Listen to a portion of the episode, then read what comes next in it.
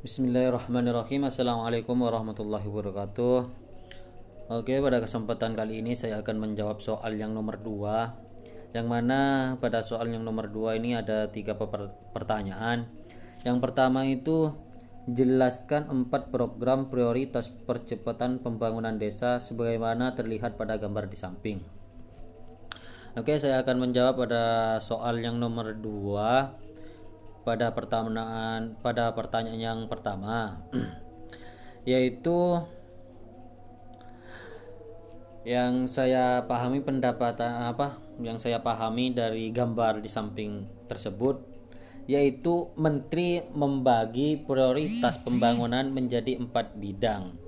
Pertama bidang pembangunan desa dan perdesaan meliputi pendampingan desa. Desa wisata di des destinasi wisata super prioritas. Desa wisata prioritas Kementerian Konvergensi Pencegahan Stunting, peningkatan kapasitas kapasitas pendamping desa digital. Kemudian meliputi peningkatan kapasitas kelompok masyarakat desa, pengadilan dana desa, pelatihan masyarakat, peningkatan jalan dan pasar kawasan, kawasan perdesaan, gudang pangan lokal dan lantai jemur, sarana dan prasarana panen di rawan pangan daerah tertinggal, dan per, pengembangan wisata di daerah tertinggal tertinggal. Kedua, bidang ekonomi dan investasi, desa, daerah tertinggal dan tran, transmigrasi.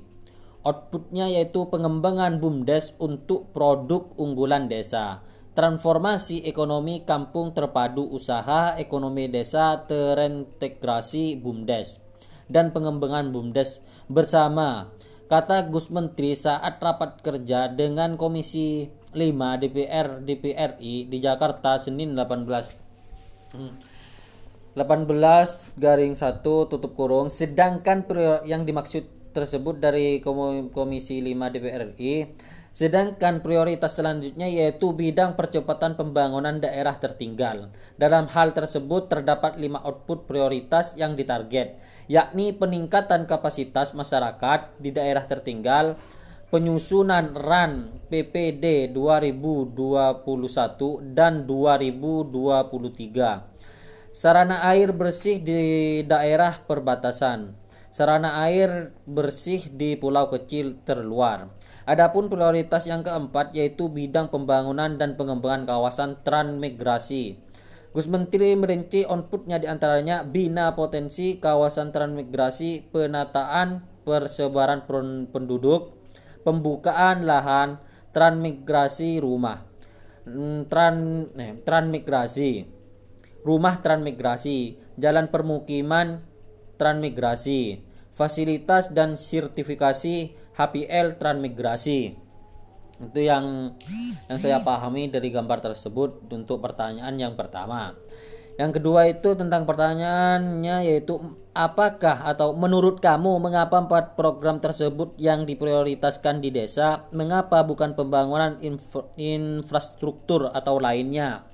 Oke, saya akan berpendapat atau akan mengeluarkan komentar saya atau pendapat saya yaitu karena empat prioritas pembangunan tersebut sudah disusun dengan sebaik-baiknya untuk desa dan untuk percepatan pembangunan daerah. Sudah tertera di output prioritas yang ditarget yakni peningkatan kapasitas kapasitas masyarakat di daerah tertinggal dalam bidang pembangunan kawasan, transmigrasi menteri pun merinci outputnya dengan sangat rinci menggunakan metode ini. Nah, itu yang saya bisa berpendapat atau yang saya bisa lontarkan maksud dari apa untuk mengomentari gambar tersebut yang ada di sampingnya itu. Lah yang ketiga Menurut kamu, manakah dari empat program tersebut yang akan meningkatkan produktivitas di desa? Jelaskan. Oke, saya akan menjelaskan untuk yang untuk pertanyaan yang nomor 4, ya yang nomor 3, yaitu yang saya pahami. Saya mengambil apa? Saya mengambil yang nomor satu yang dari ke, dari keempat tersebut atau dari bidang dari keempat bidang yang banyak mengeluarkan mengeluarkan produktivitas adalah pada bidang pembangunan dan pengembangan kawasan transmigrasi. Gus Menteri merinci outputnya di antaranya bina potensi kawasan transmigrasi, penataan persebaran penduduk, pembukaan lahan transmigrasi, rumah transmigrasi, jalan permukiman, dan transmigrasi fasilitas sertifikasi HPL transmigrasi.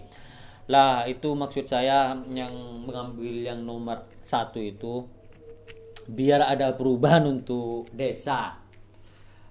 Hmm, yang saya maksud maksudnya menghasilkan produk produktivitas itu yang nomor satu. Karena membangun desa atau memperbaiki desa dan memperbaiki fasilitas-fasilitas yang dibutuhkan masyarakat desa.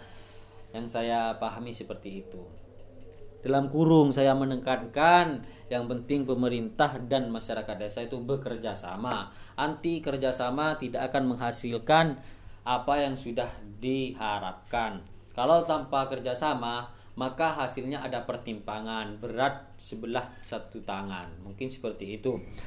Kalau ada pepatah kalau ada kata-kata yang terbata-bata mohon maaf karena saya kurang lancar untuk berbahasa Indonesia. Ini yang saya bisa sampaikan.